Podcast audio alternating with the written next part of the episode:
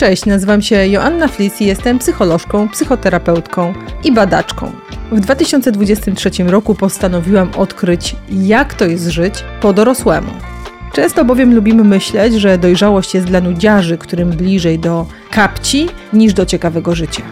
Czasem wydaje nam się, że dojrzałość bierze się z wieku, a nie ze stanu umysłu.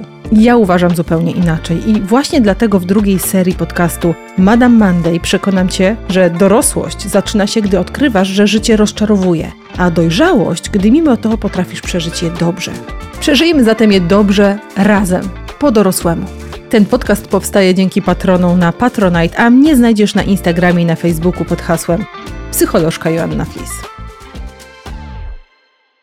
Cześć, dzień dobry, witam Was serdecznie w kolejnym odcinku podcastu Madame Monday po dorosłemu. Dziś będę mówiła o kolejnych aspektach dojrzałości w naszej dorosłości, ale zanim przejdę do nowego odcinka, to chciałam Wam z serca podziękować za to, że do mnie piszecie i że dzielicie się ze mną swoim własnym doświadczeniem, bo dzięki temu, że to robicie, ja mogłam poznać osoby, które patrząc na siebie w lustro, czują do siebie wielką, niepohamowaną miłość. Pozdrawiam Cię, Paulina, moja ostatnia rozmówczyni.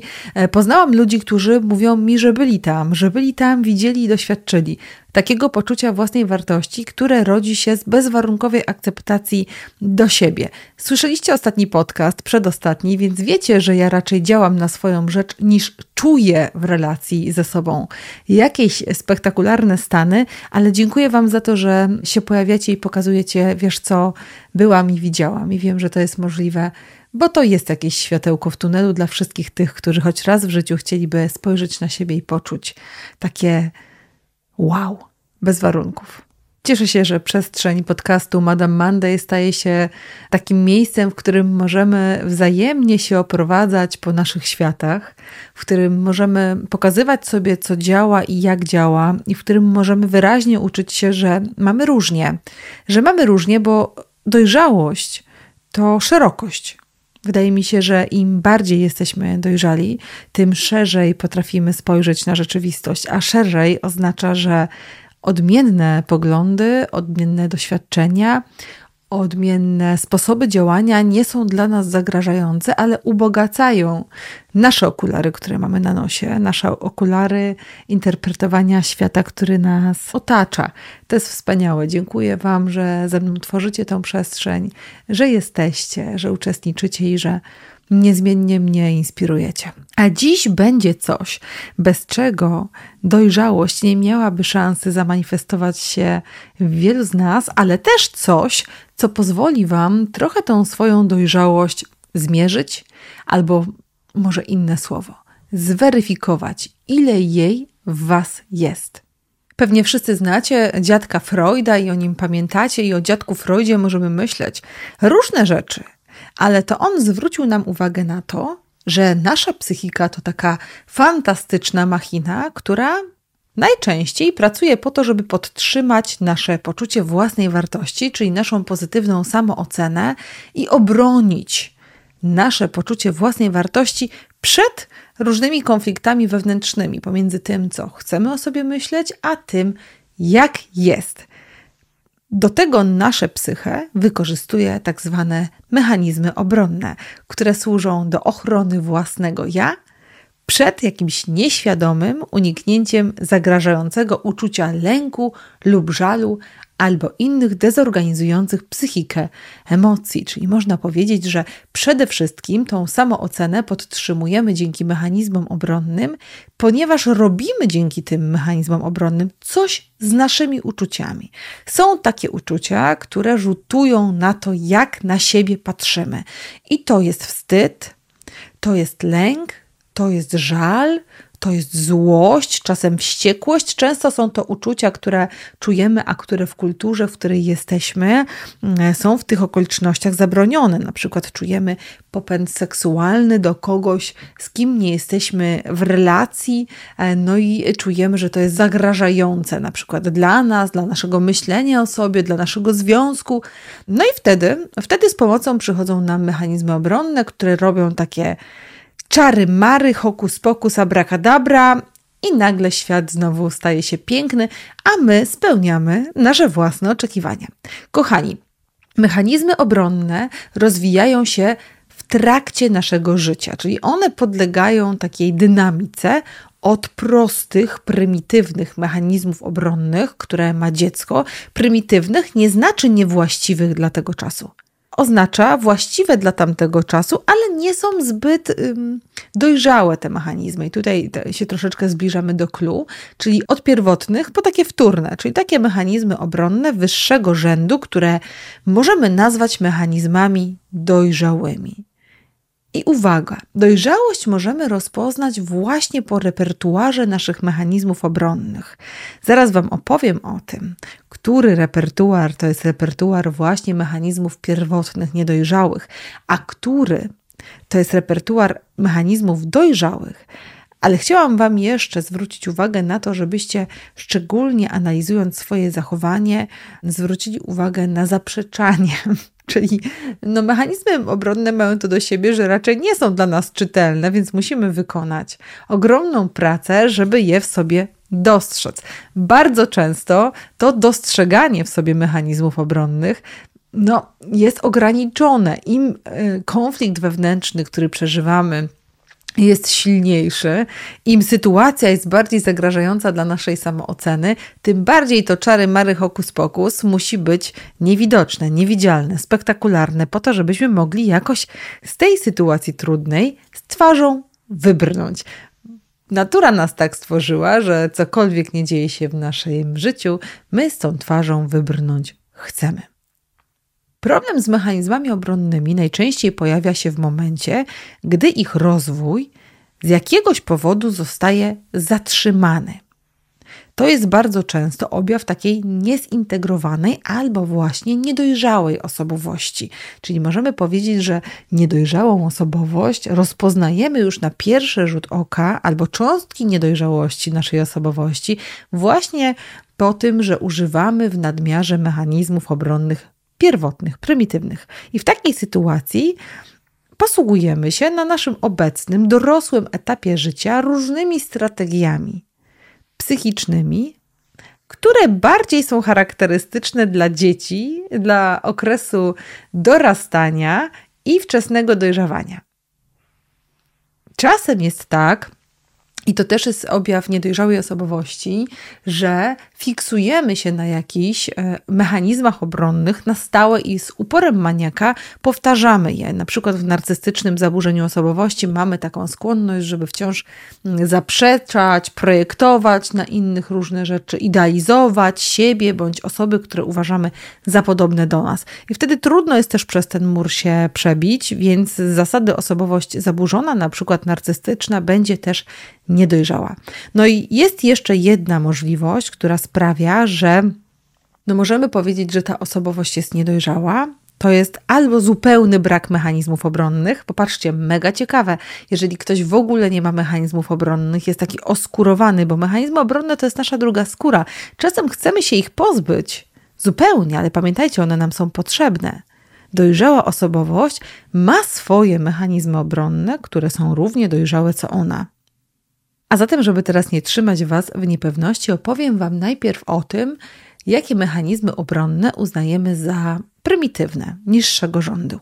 Ja oczywiście nie wymienię Wam całej plejady mechanizmów obronnych, bo ich jest od groma i trochę, ale opowiem Wam o tych najbardziej pospolitych, które nam się przytrafiają najczęściej. I uwaga, jak rozpoznacie się w jakimś, to jeszcze nie oznacza, że jesteście kompletnie niedojrzali. No, od czasu do czasu każdemu z nas zdarza się tak zachować. Chodzi o dominujący trend w Waszym funkcjonowaniu.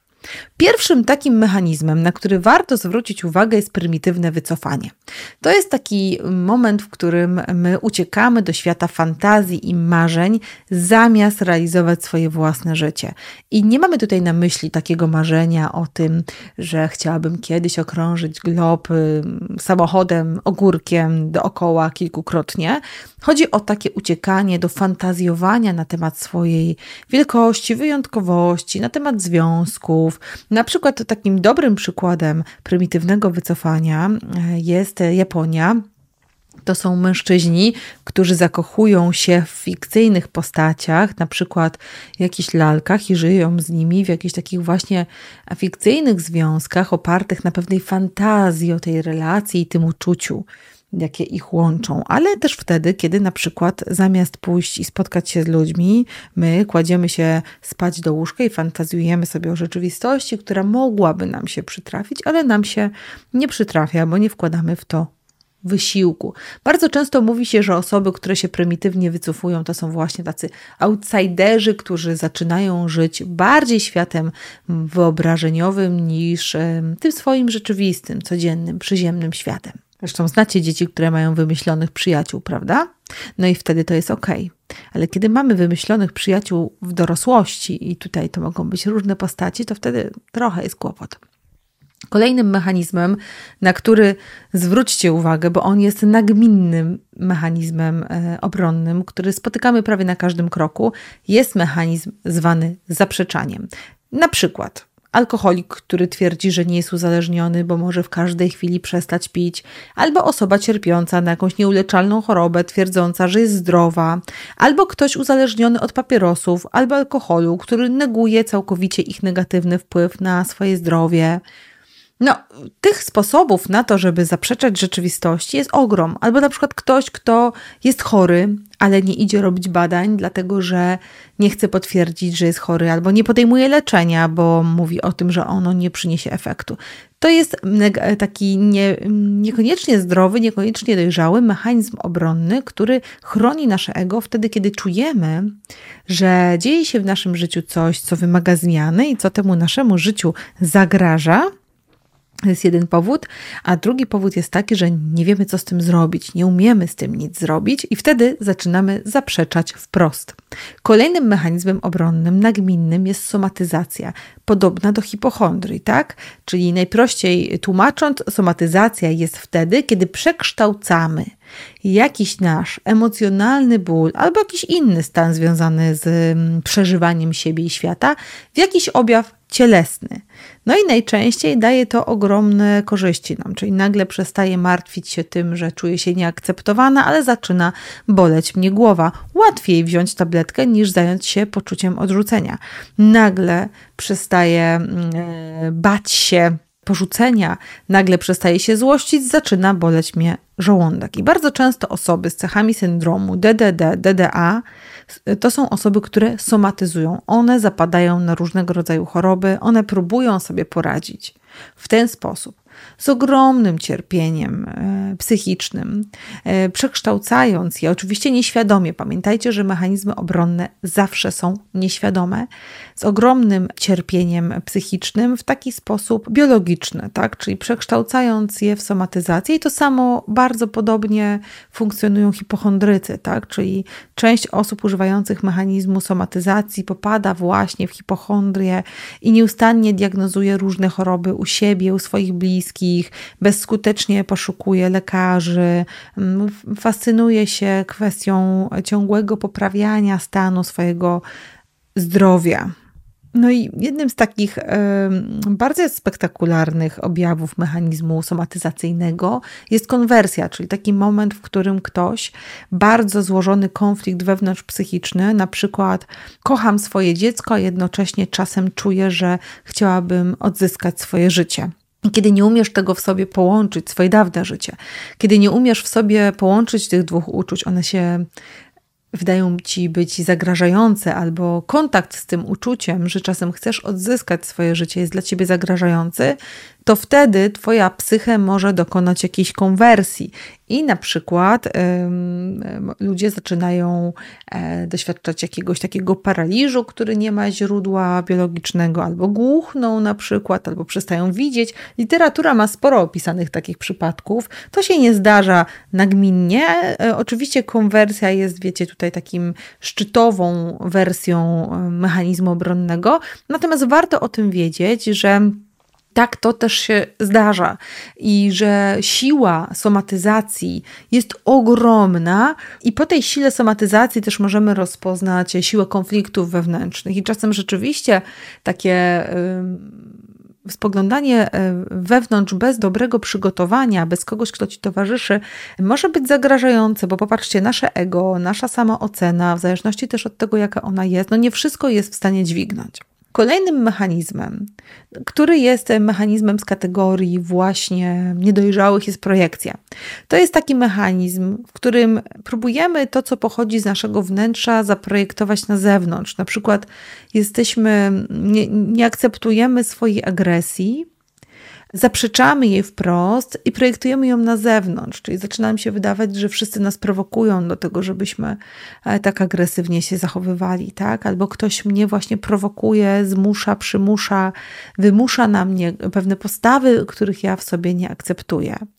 I jednym z takich przykładów, na przykład projekcji, jest sytuacja, w której mąż wypiera swoje własne potrzeby i fantazje seksualne i projektuje je na żonę, że to ona jest rozbuchana seksualnie, na przykład, i wtedy staje się dramatycznie, histerycznie zazdrosny, tak? I to jest bardzo taki skomplikowany mechanizm, ale e, on jest właśnie związany z, wiecie, z ulokowaniem na zewnątrz tego, czego w sobie nie akceptujemy, tak?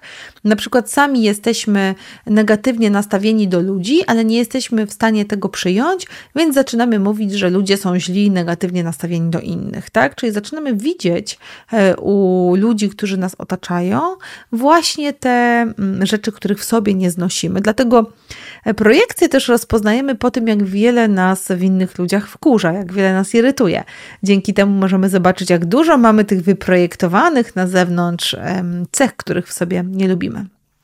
Potem mamy taką piękną, piękną diadę mechanizmu obronnego, którego mm, możemy dotknąć. Też tego niedojrzałego to jest dewaluacja, idealizacja, tak? Czyli kiedy my najpierw wynosimy kogoś na piedestał i sobie tam go idealizujemy, jak dziecko idealizuje rodzica, a potem ten ktoś wykonuje jakiś drobny gest, który nam się nie podoba, albo jest dla nas niedostępny i spada nam natychmiast z tego e, piedestału i go dewaluujemy, tak? Czyli jakby dowalamy mu po całości na różnych poziomach, z różnych e, perspektyw.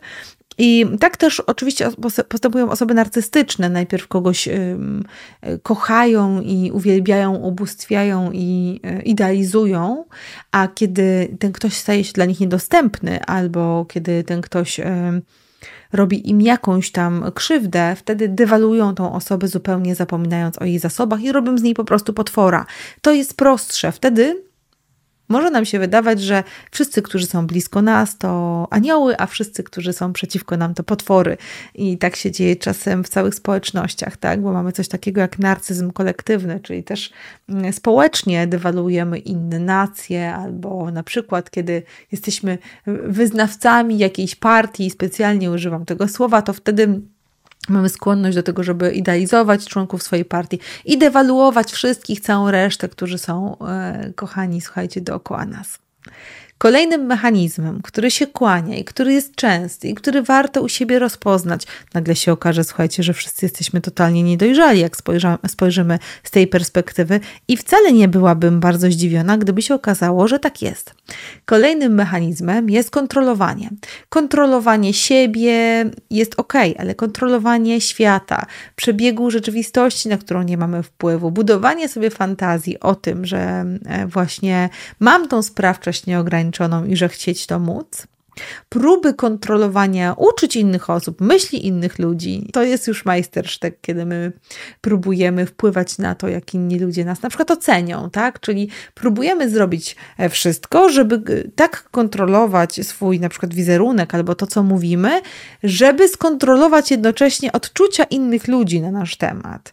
Albo ich potrzeby, ich pragnienia, tak? Czyli będę robić wszystko, żeby on nie przestał mnie kochać i mi się wydaje, że ja mam kontrolę nad jego miłością do mnie, tak? I to jest właśnie świetny przykład niedojrzałego mechanizmu obronnego. Zaraz w kolejce za tym stoi jeden z moich ulubionych mechanizmów, reakcja upozorowana, który jest od groma i trochę w naszej społeczności, dlatego że u nas niewiele osób mówi to, co myśli i robi to, co mówi. Jesteśmy mistrzami, tak jak w biernej, pasywnej agresji, która zresztą też się wpisuje w ten repertuar, to jeszcze w reakcji upozorowanej. Na przykład Wtedy, kiedy wylewnie, z wielką e, taką pieczołowitością gratulujemy komuś sukcesu, którego tej osobie tak naprawdę zazdrościmy. Albo jest y, osoba, która ogląda na co dzień pornografię, nagle staje na czele komitetu do jej zwalczania, tak? Świetny przykład podawany często w literaturze, czyli nie dość, że tutaj mamy bardzo często taki projekcyjny kawałek, to jeszcze reakcji upozorowanej. Ależ to jest smaczne, kiedy nie smakuje nam e, coś, co ktoś nam podaje, a my udajemy, że jest zupełnie inaczej. No wspaniale gotujesz. I teraz uwaga, czasem używamy reakcji upozorowanej, bo to jest też jakaś część dojrzałości. Kiedy nie chcemy kogoś zranić, tak? I wtedy to nie jest mechanizm obronny. Wtedy to jest wybór drobnego kłamstwa, którego celem jest pomoc w utrzymaniu cudzej samooceny. Ale kiedy ja to robię po to, żeby sama przed sobą udawać, że nie jestem zazdrosna albo że nie mam w sobie jakiejś chęci bądź niechęci, której się wstydzę, to wtedy jest to mechanizm obronny. I teraz, jak często my sami siebie oszukujemy w reakcji upozorowanej, że coś nam się podoba, co nam się w ogóle nie podoba, jak często mnożymy argumenty ku temu, żeby przekonać się, że właśnie na coś mamy ochotę, na co tej ochoty nie mamy. Na to pytanie odpowiedzcie sami sobie, ale obstawiam, że bardzo, bardzo często. Kolejny mechanizm racjonalizacja, tak? Czyli taki moment, w którym my staramy się uznać za nieważny cel, którego nie osiągnęliśmy. I tutaj dobrym przykładem są słodkie cytryny, czyli ten przykład, w którym my wmawiamy sobie, że jakieś różne przykre zdarzenia i sytuacje, których byliśmy oczywiście uczestnikami, są w rzeczywistości przyjemne. Tak naprawdę to na dobre mi to wyszło. Dobrze się stało, że tak się stało, tak?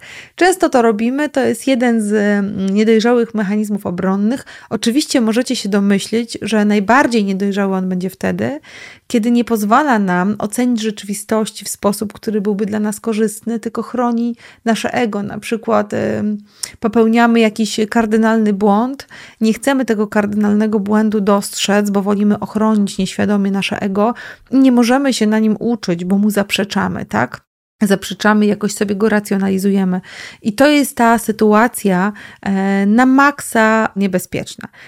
To jest koszyczek mechanizmów, które Wam przedstawiłam, takich e, niedojrzałych, tak? czyli zniekształcenia, zaprzeczenia, racjonalizacje, projekcje, reakcje upozorowane, próby kontrolowania rzeczywistości, szczególnie tej, na którą nie mamy e, wpływu. Kochani, wycofanie, fantazjowanie, dewaluacja, idealizacja, cała somatyzacja e, i hipochondria, która za nami stoi.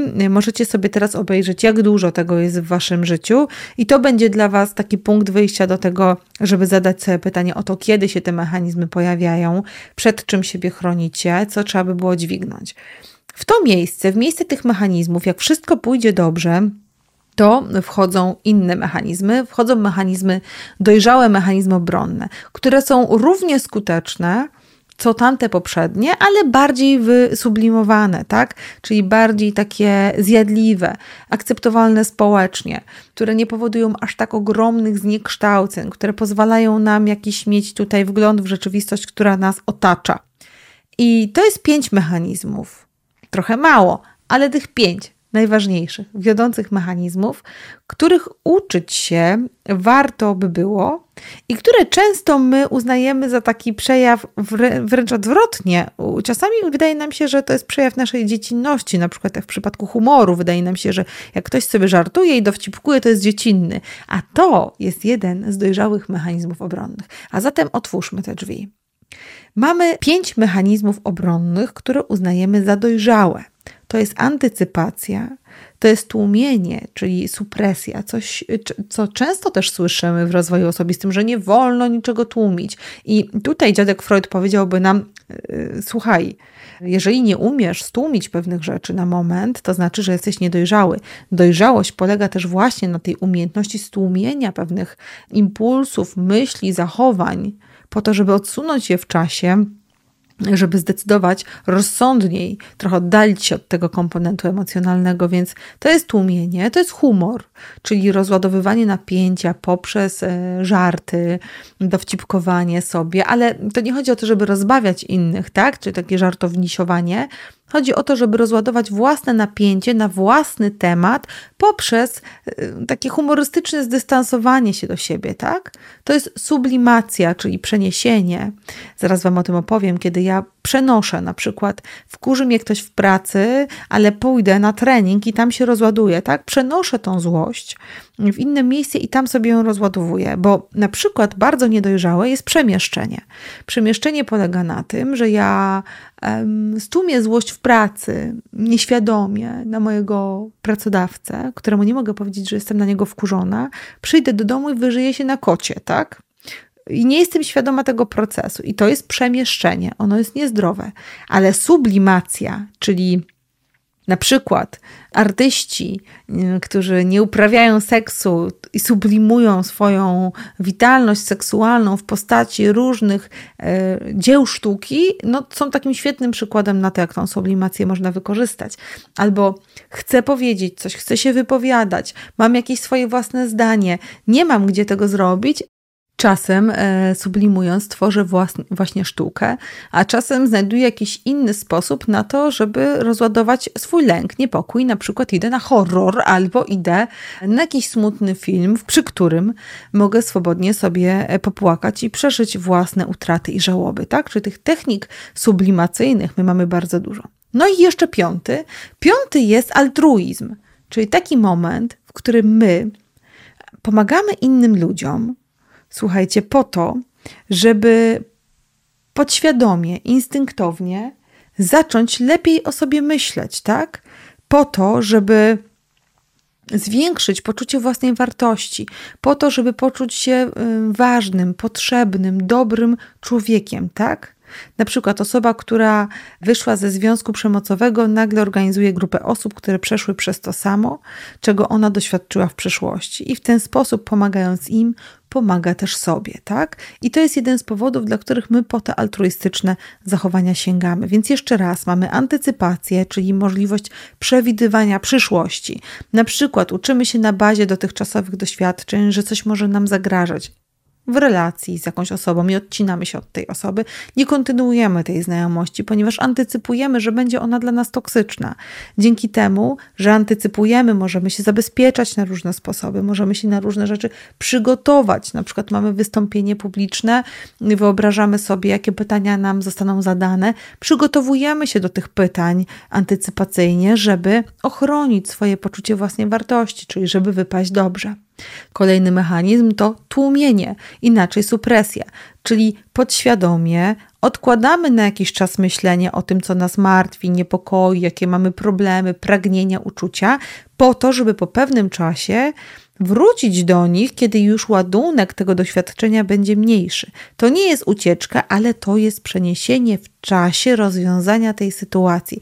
Czyli jesteśmy w stanie e, podtrzymać w sobie ten konflikt do rozwiązania, zadbać w tym momencie o siebie, o swoją odporność, o swoją kondycję i wrócić w lepszym, bardziej dogodnym czasie do rozwiązania tego konfliktu. Potem mamy humor, to o czym Wam mówiłam, czyli sytuacja, kiedy otwarcie wyrażamy uczucia dotyczące naszego dyskomfortu i jakiegoś przykrego odbioru przez innych, ale nadając im taki pozytywny, dystansujący ton.